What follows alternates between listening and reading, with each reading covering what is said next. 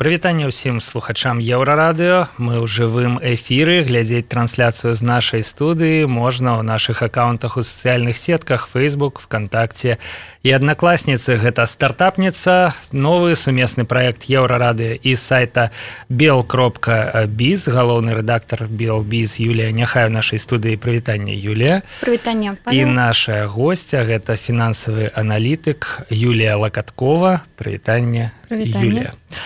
Анансаваная была размова пра акселерацыю ў Польшчы па гід па вулічных музыках і пра тамагочы пінкфін гэта праекты якімі Юлія і каманда займаюцца але першае пытанне Юлія будзе такое. З чаго вы пачыналі ўсё ж таки да? Что было якія прыступачкі праходзілі да таго як заняцца стартапамі как ни странно я была журналістам что тут один? Работала в узкой тематике, это банки и финансы. Соответственно, получала разностороннюю информацию от экспертов на рынке и от коллег по цеху. А в какой-то момент поняла, что хочу открыть свой бизнес. Предпринимательская жилка где-то заиграла.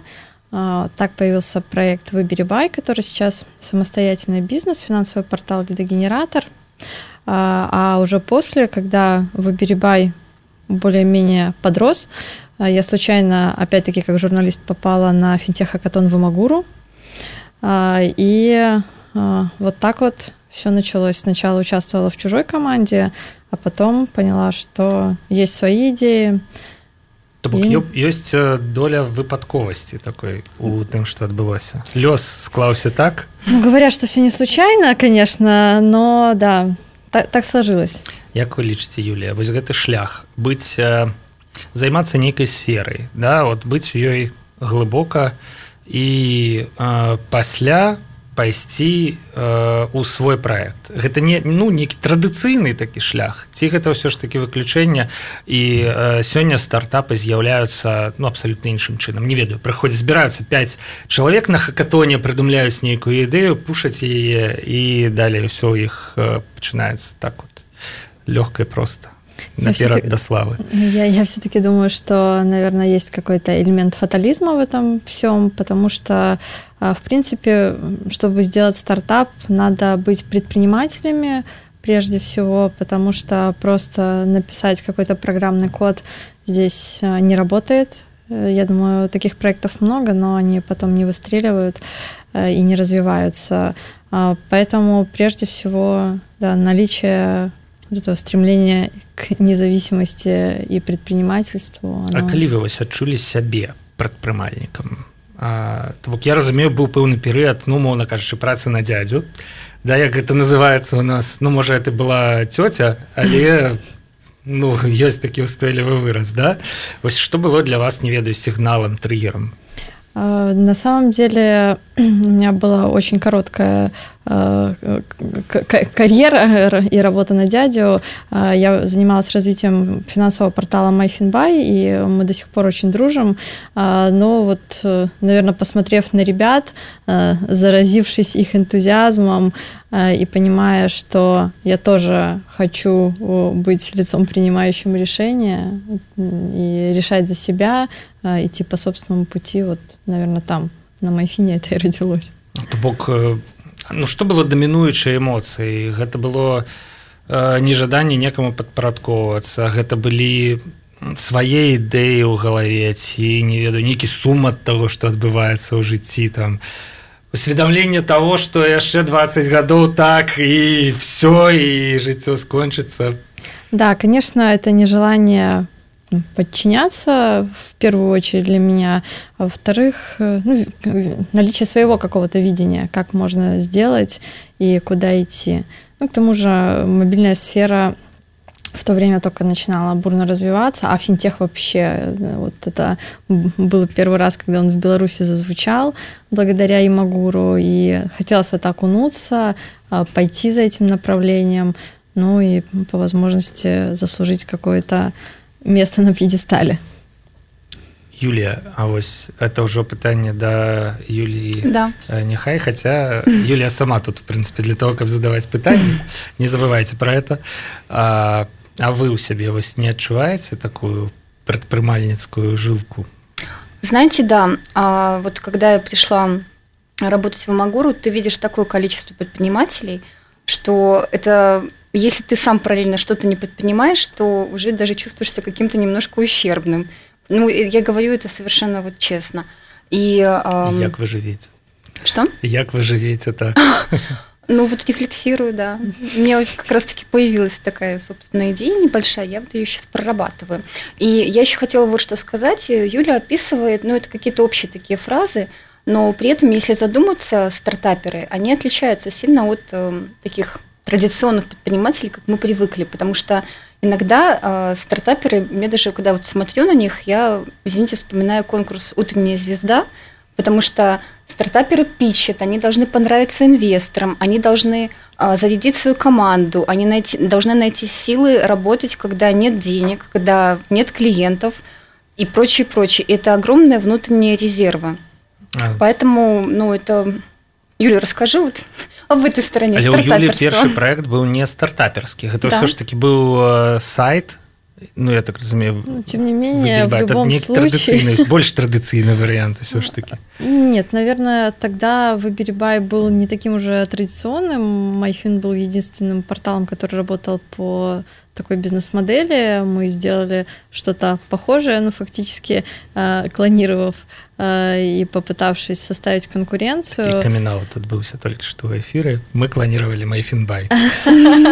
Нет, ну, сама идея была не нова, то есть портал-агрегатор, э, но... Эм, Расскажите, дальше, что такое лидогенерация? Вот что это за бизнес-схема? Э, лидогенерация – это достаточно прозрачная бизнес-модель, при которой портал э, получает э, деньги от э, заказчика, ну, в нашем случае это банки, только если он приводит клиентов. Платят вот за конкретного человека, который делает какое-то полезное действие, например, оформляет банковский продукт. То бок ёсць нейкі пералік прапановаў і калі чалавек з вашага сайта пераходзіць на напрыклад на сайт банка і заключае дамову А як гэта адсочваецца? Вось мне заўжды было цікава. Я ж магу прыйсці пасля сысці але пасля пад уплывам таго ж выбері бай все ж таки нейкі да неку дамову заключыць.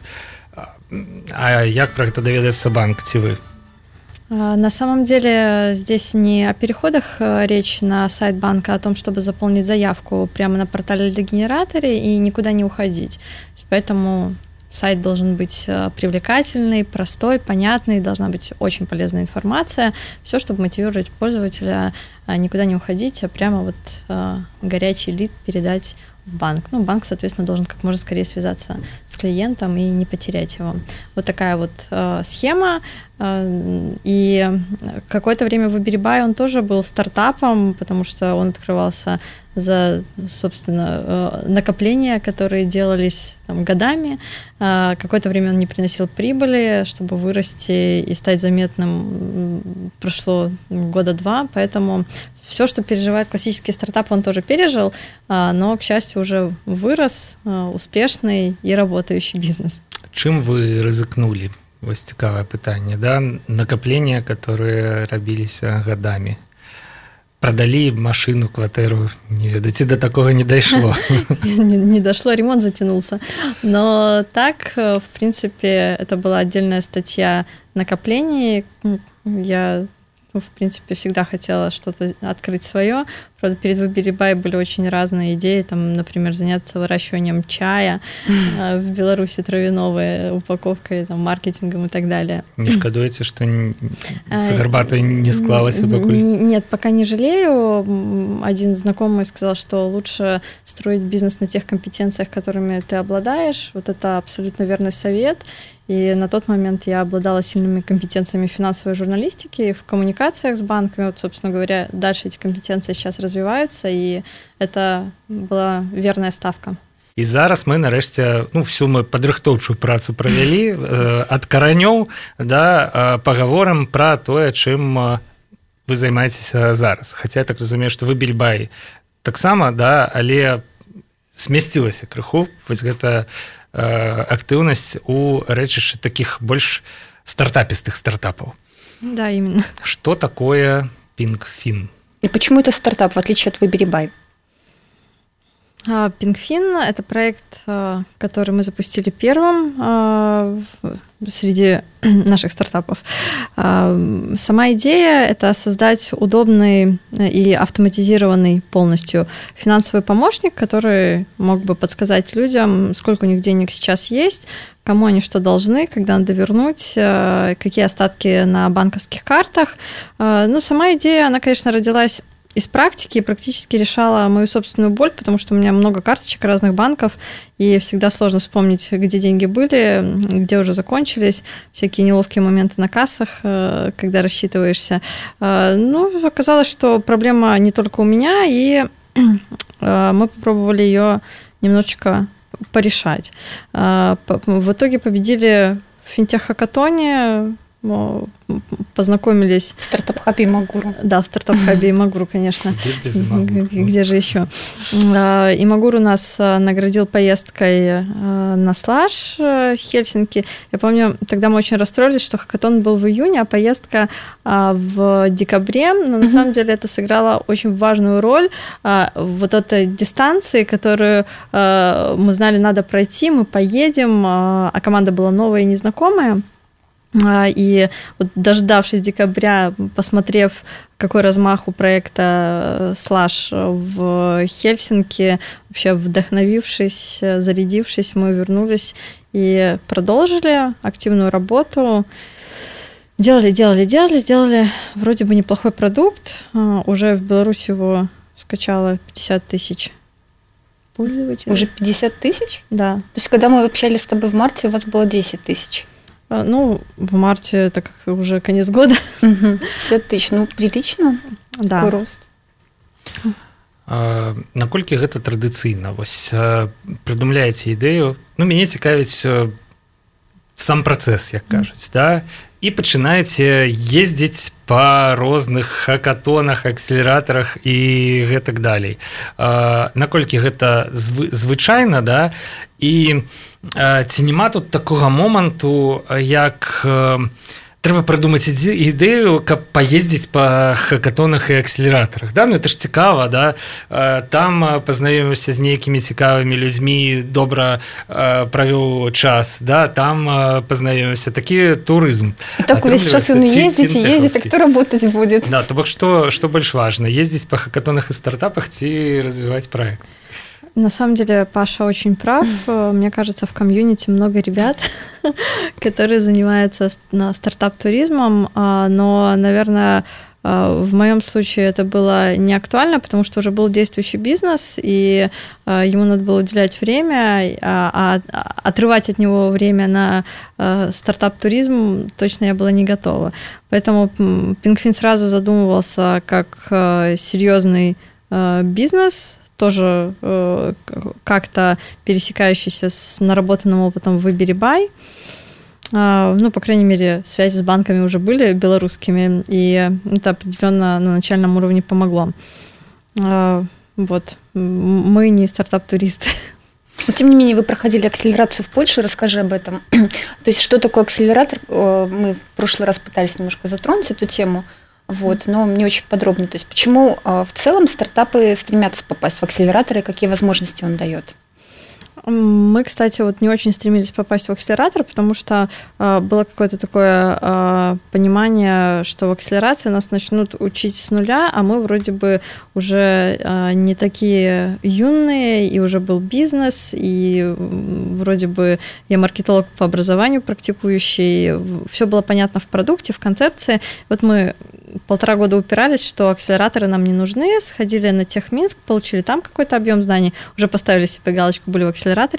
А, а э, что касается Польши, ну, здесь э, был вообще выбор сделан э, потому что белорусский рынок мы уже тогда освоили, и нам было интересно идти в Россию или идти в Европу там, в ближайшие два года. Поэтому была отличная возможность протестировать рынок, и мы были целевым стартапом для HugeSync, в который мы попали. Что такое акселератор? Ну, это прежде всего комьюнити, Э, и э, очень глобальный нетворкинг. Э, в принципе, за 4 месяца, которые мы находились в Польше, была возможность встретиться с кем угодно, с любой корпорацией, компанией, представленной в Польше и не представленной в Польше. Очень много было возможностей, даже, я бы сказала, слишком много, чтобы их все правильно применить. А, ну и дополнительная возможность для стартапов это, конечно, финансирование. HugeSync – это equity-free акселератор. Он... То есть он не берет денег? Да, он, не, он, доли, он, он доли не берет. берет. А, соответственно, ну, что может чувствовать стартап в таком случае? Только безмерное счастье, потому что в глубине души стартапы думают, как бы там не поделиться ни с кем своей долей. А, ну, на самом деле свои есть плюсы и минусы в equity free акселераторах. А, для нас HugeSync это был очень классный опыт, новый, на новом рынке, где-то сложный, там даже открыть компанию в Польше, это ну, тот еще э, квест для белоруса. Какие минусы у equity free акселераторов? А, на мой взгляд, фри-акселераторы, они, конечно, прекрасно и стараются, э, ну, мало того, что деньги вам дают, они стараются и нетворкинг э, качественный дать, но они потом вас отпускают, и ничего от вас не требуют. А когда от вас ничего не требуют, вы можете расслабиться. Ну, может быть, с нами этого не случилось, к счастью, mm-hmm. потому что, ну, изначально настроение было такое бизнесовое. Но многие ребята, которые заканчивали акселератор вместе с нами, ну, вроде я не видела, чтобы проекты выходили на рынок. Mm-hmm. Яны просто зникли. А... Ну, ці повольно не Ну, не, не спеша, там. да, где-то не спеша, может быть, развиваются, а, а когда акселератор берет долю в проекте, он становится партнером, и как партнер он требует. Он зацікаўлены ў тым да. каб проект развіваўся і, і пачаў калі-небудзь прыносіць прыбытак и как ну, можно раньше желательно еще такой момент насколько я помню акселерация э, в Huge Sync она очень помогла вам в плане а, возможных новых бизнес-моделей. Вот расскажи подробнее об этом вообще, как стартап выходит на бизнес-модель. То есть, конечно, у фаундера есть какая-то идея. он говорит, вот я буду делать. А потом он выходит на рынок и понимает, например, что идея не работает, твой продукт никому не нужен. Или он видит, что зарабатывать можно вернее, даже нужно на другом чем-то. Вот расскажи о том, как вообще меняется вот эта вот идея в плане бизнес-модели и к чему пришли вы благодаря HugeSync. На самом деле э, я э, часто замечаю вот на новых хакатонах, когда ребята приходят, у них есть идея, ты спрашиваешь, а зарабатывать на чем будем? А они даже не понимают, что э, а зарабатывать-то надо в принципе. А мы, конечно, делали пингфин четко понимая, на чем мы будем зарабатывать. Мы думали, что это будет такая мобильная лидогенерация, как в Uberbuy, но только в мобильном. Это там, легче сконвертировать, проще донести до пользователя. Но То бок разам з сервісам па ўліку розных фінансаў падсоўваць да. паціху вот так вот ну не то чтобы подсовывать а рекомендовать э, основываясь на каких-то более глобальных данных потому что когда ты видишь картину ну, финансового учета человека ты знаешь что ему нужно вклад кредит там какая карта в зависимости от того финансового поведения то есть мы хотели как лучше, но э, это оказалось не самая масштабируемая бизнес-модель. То есть определенно она может работать в Беларуси, но если выходить на новый рынок, она упиралась э, в заключение прямых договоров с банками и так далее. Ну, то есть были свои сложности, и надо было слишком быстро наращивать аудиторию, чтобы больше и больше давать заявок. Поэтому То бок вы якраз і апынуліся ў такой сітуацыі прабачце што перабіваю калі вы планавалі зарабляць на адным але высветлілі што ёсць лучшие перашкоды угу. добра якое возможно, и лучшие возможности. А, да тут скорее не, не столько препятствия для этой бизнес-модели сколько видение а, более глобальной и уникальной бизнес-модели. В принципе уже лидогенерация никого не удивишь а, но в Польше нам подсказали что удивить можно а, данными. Естественно пингвин получает доступ к информации о расходах и доходах пользователей. И если эту информацию использовать в статистических целях, то она может быть очень интересна, например, ритейлерам, тем, кто оказывает услуги в рознице, продает товары, консалтинговым агентствам, которые оценивают рынки. Так, э, собственно, в Польше под менторством э, местных экспертов э, мы пришли к тому, что должны больше работать с данными, ну и начали трепетно их складировать и накапливать. А можна які-небудзь прыклад таго як гэта працуе да, ну... конечно. А, для пользователя ничего не поменялось. Он как э, оптимизировал свои расходы с помощью PingFin, так и оптимизирует. А, данные все обезличиваются. Ну, и фактически мы получаем информацию о том, что а, вот в этой торговой точке кто-то, неважно кто, потратил 3 рубля и отнес это к категории еда. А следующий человек в этой торговой точке потратил 80 рублей отнес к категории а, подарки и частично одежда. А, так, агрегируя конкретных людей, э, конкретную торговую точку и привязанные к ней расходы, можно посчитать средний чек этой торговой точки. А напрыклад э, можна паглядзець адкуль гэтыя людзі прыехалі і калі гэтыя людзі прыязджаюць нейкага месца і трацяць у іншым нейкім месцы э, грошы на падарункі можна зрабіць выснову што ў тым месцы дзе яны жывуць да. няма кропкі з падарункамі да? да. І значыцца там ёсць нейкая ніша. Да совершенно верно. Да. І вот расскажы на каком сейчас свеце ты ідзе з датасейл но она уже не то чтобы на свете, она уже э, была презентована на JeffBuy в рамках Всемирной недели предпринимательства, и надо сказать, что привлекла Проект э, называется как? Проект называется Open Business. Ну, все говорит само за себя, открытый mm-hmm. бизнес. А, действительно, мы сразу привлекли к себе внимание, начиная от каких-то запросов на первые отчеты или доступ к платформе онлайн, заканчивая там, даже какими-то куларными разговорами, э, а сколько вам надо денег, чтобы выйти на следующий рынок. Mm-hmm. Там следующий рынок это может быть Россия или, допустим, Прибалтика, Скандинавия. Ну, у нас тоже есть свое видение и варианты. А зараз вы на белорусском рынку ці на Беларусь, польскім? Россия.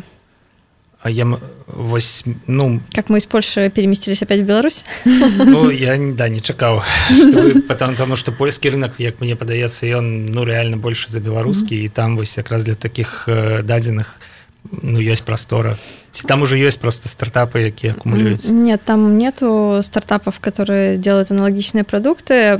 Когда мы были в Польше мы рассчитывали на то что там вступит в силу так называемая директива э, PSD2 но на момент нашего нахождения там она-то в силу вступила, но банки еще были не готовы предоставлять Open API на коммерческой основе. То есть нельзя было подключиться к сразу нескольким банкам, а в Польше их более 40, э, чтобы получать полную картину. Подключиться к кому-то одному – это не совсем э, правильно, ну, то есть будут искаженные данные, потому что в Беларуси мы охватываем э, все банки, в России более 30 банков, то есть, ну, это совсем другая картина информационная, и было бы неверно работать с кем-то одним. Соответственно, пока мы ждем, что в Польше все заработает, э, система готова, да, по сути, только приехать подключиться, тем более мы польская компания, э, и тем временем есть огромный российский рынок и Беларусь, которая тоже э, центр Европы, кстати. Безусловно. Итак, вот Open Business, как он вписывается? Он работает в одной экосистеме с PinkFin? Или вы как-то планируете PinkFin уже менять, создавать на базе его какую-то масштабную платформу? Можно просто переименовать. Нет, на, а, самом, вряд ли. на, на самом деле это а, один продукт, он uh-huh. позиционируется как B2B2C, то есть бизнес, там есть и бизнес-часть, и часть розничная. Соответственно, наша бизнес-часть это open business, а розничная часть это PinkFin. Вот разные бренды с вообще разным значением и подачей. PinkFin он такой милый тамагочи, а Open Business это вот для серьезных компаний. И как вы планируете масштабировать? То есть вы хотите опять идти в какой-то акселератор, либо а, достигнуть уровень продаж и попытаться подружиться с венчурным фондом? То есть да, вот... мы планируем достигнуть первых продаж, э, ну уже не первых, уже угу. продажи есть. Хотим а, посмотреть все-таки, э, как, ну, насколько мы можем их расширить здесь на белорусском рынке, и да, идти к венчурным фондам. Юлія ну задам можа быць такое глупае пытанне але ці можна ўжо зараз працуючы над гэтым праектам ну існаваць умоўна кажучы? Ну не не працаваць нідзе у іншым месцы там ну ці прыносіць ён сродкі для того каб нечто я забыл то ехать да? в Go куда-нибудь? Ну, а, нет пингфин еще не прибыльный проект но поскольку у нас был грант мы в него не инвестируем личные средства и, и до сих пор грант у нас э, тут такая модель да стартап не отбирая але і не приносит да но мы угу. видим однозначно э, где находится та точка в которой мы начнем зарабатывать мы ее уже достигли и сейчас э, как раз этап первых продаж спыніліся мы на тым что акрамя фінансавага тамагочы пінгфін у каманды у якой працуе наша гостця Юлія лакаткова ёсць гід па вулічных музыкаў па вулічных музыках стрит voices. Які проект быў першым? Вы адклалі стрит voices каб займацца пінгфінам ці гэта адбылося нейкім іншым чынам? Как неудивительно это э, случилось параллельно. Было две идеи. а, абсолютно разные, не взаимосвязанные между собой. А, и а, первое мы начали реализовывать все-таки Пингфин, по крайней мере, команда Пингфина сложилась первой. Но идея про уличных музыкантов меня не отпускала, к тому же это было лето, уличных музыкантов было много, я не могла им платить, потому что не пользуюсь кэшем как таковым, в принципе, наличные с собой не ношу. И так случилось, что нашлись ребята во вторую команду, проекты начали развиваться параллельно. А, многие говорили, что это неправильно, потому что фаундер должен быть вовлечен глубоко в один проект. А, мы старались как-то а, припудрить то, что я фаундер все-таки в двух проектах, старалась делегировать полномочия в Street Voices другим ребятам, но вот сейчас, когда уже прошло два года, все-таки в обоих стартапах ну, я занимаю ну, наверное, э, позицию именно основного координатора.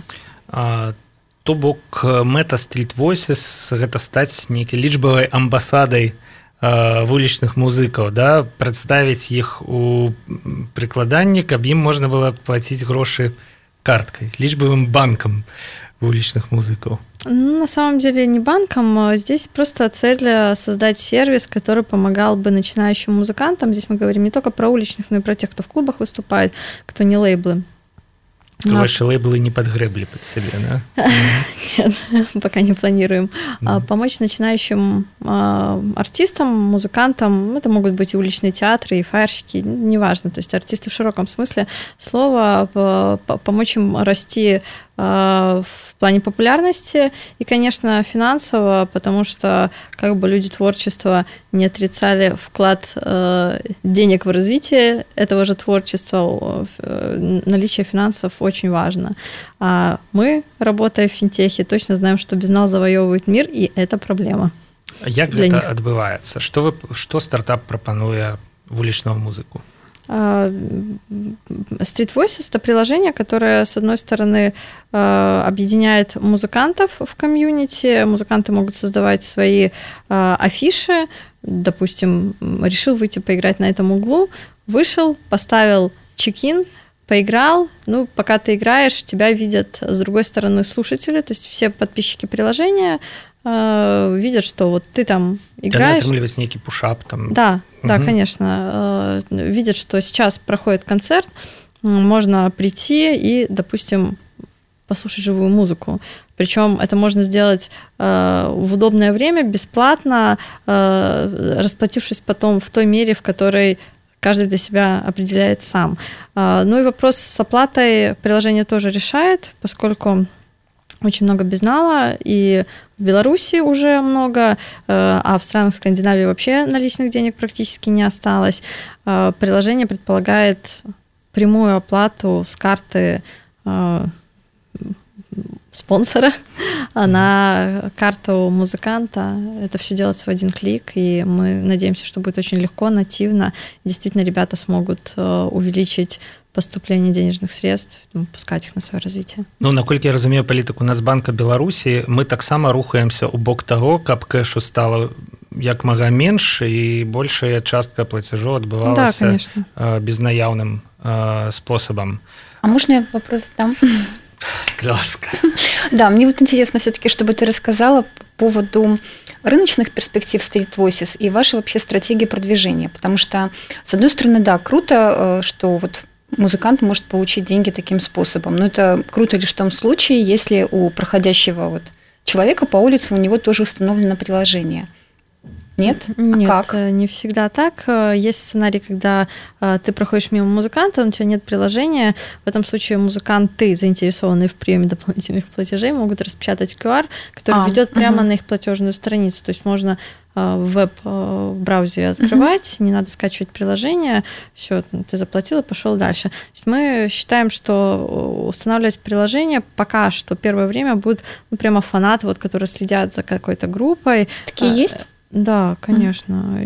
Есть уличные музыканты с миллионами подписчиков, угу. и люди ездят за ними по миру. Вот, когда они пишут в Фейсбуке там у себя на стене «я буду играть там», то ну, это вот настолько ломает э, пользовательский опыт, когда тебе надо заходить э, чтобы узнать, ты же не будешь несколько страниц посещать, чтобы узнать, какой из музыкантов Минска сегодня будет играть вот где-то там. Поэтому то, что в приложении можно увидеть всех этих музыкантов э, в live-режиме прямо сейчас на карте, оно, конечно, тоже создаст определенный комфорт для слушателей. И тем не менее, вот твоя mm-hmm. стратегия продвижения, вот как маркетолог, расскажи. Э, мы понимаем, что приложение новое и что аналогов нету, в отличие от PingFin а.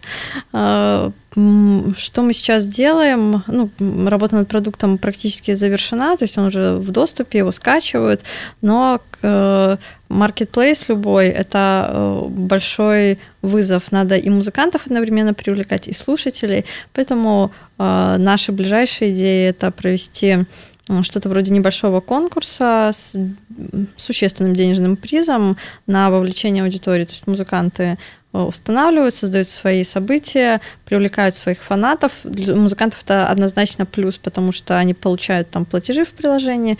Я думаю, фанаты обязательно попробуют и поддержат.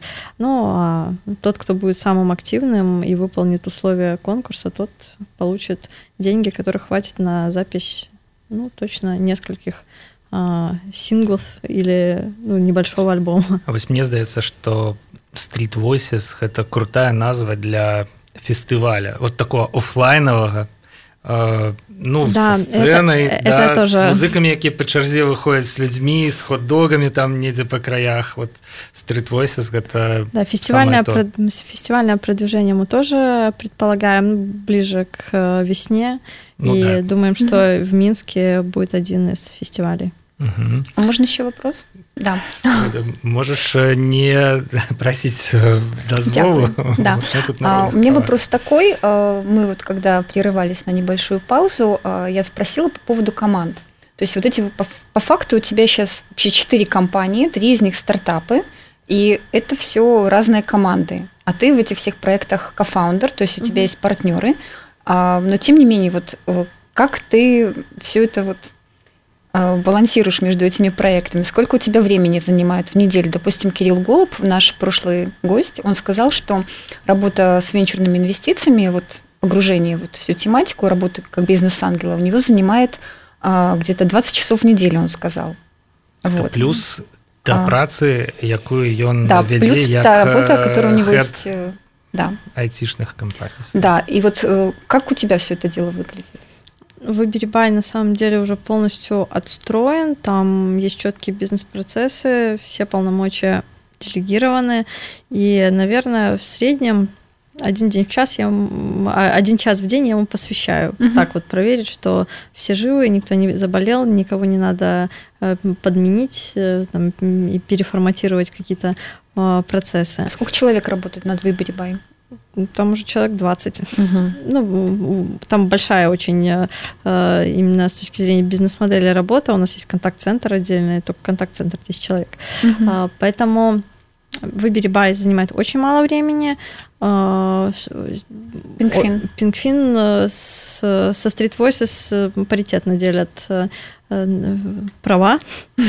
И ну, бывает по-разному. Допустим, сейчас Street Voices находится в акселерации, в Э, в Течь э, и здесь, в Минске. Угу. Конечно, много времени занимает, потому что у акселераторов есть свои мероприятия, есть отчетность. Допустим, мы ходили пичить на Всемирную неделю предпринимательства. Это презентация, подготовка. А с другой стороны, Open Business там стоял со стендом. Угу. Это тоже роллапы, рекламная продукция. Ну, получается, где-то остальное время 50 на 50 делится между ними. Ну, я думаю, что не менее 20 а, часов в неделю получает каждый. Но это при том, что рабочий день у меня не нормирован и заканчивается ближе к двум часам ночи. А коли вы спите? С двух до шести. Да. Юля еще семья есть и ребенок.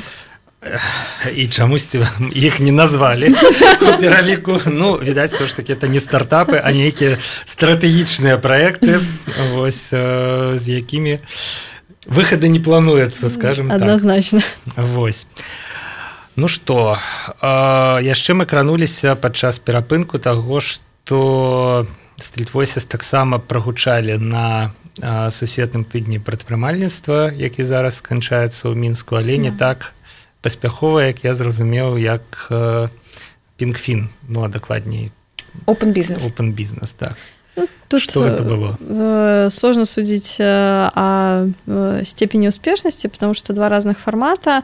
А, конечно, мы рассчитывали, не то, что мы рассчитывали, что нас выберут в Лондон, и мы туда попадем. Лондон это просто для нас стратегический город. Однозначно музыкальная комьюнити Лондона так или иначе мы до него доберемся. Просто придется сделать это за свой счет вулічныя музыкі Лондона чакайце да там им раздают терминалы пока мы приедем вот с мобильным приложением и все сделаем удобно а, Юлія вось калі вы дакладней так ці шмат вы рэфлексируеце калі нешта не атрымліваецца як гэта адбываецца як у вас выглядае праца над памылкамі калі яны здараюцца ну, вось твойсы спічылі і не атрымалася что вы сабе сказали пасля этого? А, наверное, я подумала, что надо еще больше попрактиковаться в английском, потому что, несмотря на то, что мы жили в Польше, и там было все на английском, определенно белорусских стартаперов, особенно у меня, есть проблема со свободным а, английским, да. По-английски, так. А, но питчи, как правило, отрепетированы, и, ну, в принципе, э, жить можно, однозначно меня поняли. Вообще, с точки зрения Street Voices, это такой продукт, который будет очень постепенно завоевывать аудиторию, потому что многие инвесторы или акселераторы, они смотрят на него и спрашивают, а есть ли рынок? Есть, есть рынок уличных музыкантов или начинающих? Вот. Я думаю, что нам придется повоевать, побороться за то, чтобы доказать свою состоятельность, но мы готовы. В принципе, я вот отношусь к тем людям, которые э, работают над ошибками очень быстро, потому что надо скорее идти дальше, время не ждет. Э, я никогда не впадаю в депрессии, не закрываюсь в комнате, не плачу неделями. Вот, то есть... Э, Вообще времени на это Да, у меня нет на это времени как-то. С двух до шести ночи, да. Прынцыпе вулічныя музыкі ў беларусі мне здаецца таксама зараз э, змагаюцца за сваё месца под сонцам яшчэ гадоў 5 яны ўвогуле былі. Ну так да. добра па-за законам. Апошнім часам гарадскія ўлады якраз таки паварочваюцца да іх тварамі здаецца зразумелі что это не просто неад'емная частка гарадскога жыцця але ўсё роўна працэс іх легалізацыі адбываецца ну таким цікавым шляхам. Але про гэта мы не будем зараз говорить Юлія амаль гадзіну працягваецца наш эфир мне здаецца что пра ўсё ну натуральна не пра ўсё цікавае мы пагаварылі але шмат пра што. Калі шчыра я не ведаю людзей якія глядзяць зараз эфіры цягам ну які цягнуцца гадзіну. Восьось таму гэта ўсё ж такі Ну не ведаю для фанатаў быў эфір. Вось. Сябры наступным разам паспрабуем все ж таки укласціся у нейкія межы Вось Юлія ці засталіся да Юліі пытанні гэта зараз звяртаюся да галоўнага рэдактора Белбіз Юлии Нехай. там много вопросов. Но мне вот интересно было бы услышать э, твои какие-то мысли по поводу экзитов.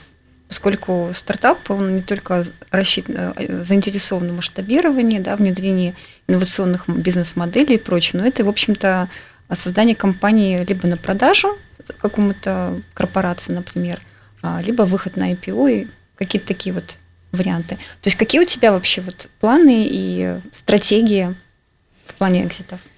Если говорить о Street Voices, а, этот проект изначально мы затевали под экзит, угу. прям полный экзит, потому что а, здесь а, есть понятные игроки, которым это могло быть интересно, допустим, PayPal или uh тоже Facebook или Airbnb, например, у них тоже есть целый раздел впечатления, который они продают э, вокруг своих квартир. А, и ну, на это ориентирована команда. То есть наша цель exit, несмотря на то, что э, это проект очень близкий мне духовно, э, и в него очень много моих эмоций вложено. А, но да, хотелось бы, чтобы здесь все закончилось вот так, и мы просто гордились, и мы пользовались дальше, как и многие люди. А что касается open бизнеса и Пингфина, ну, это тот проект, над которым бы хотелось сконцентрироваться и работать еще не один год, ну, просто там, возможно, а, впустив инвестора, если он потребуется. Но пока мы очень осторожно относимся к потенциально возможным инвесторам, потому что а, денег на развитие хватает, и, не хо- и хочется, чтобы это были смарт-мани, если они будут. Ну вот. Что ж, Гэта была стартапніца новы проект еўрарады белбіз пра маладых прадпрымальнікаў і інвестараў якія ў іх вераць. У нас у гасцях была фінансавы аналітык Юлія лакаткова. Дякуй за тое што спасибо вам. Да пабачэння і натуральна галоўны рэдактор белбіз Юлія Нехай Юлія спасибо Юля тоже. Павел свердлоў працаваў пры мікрафоне. Пачуемся на еўрарадыё Еврорадио, Злові свою хвалю.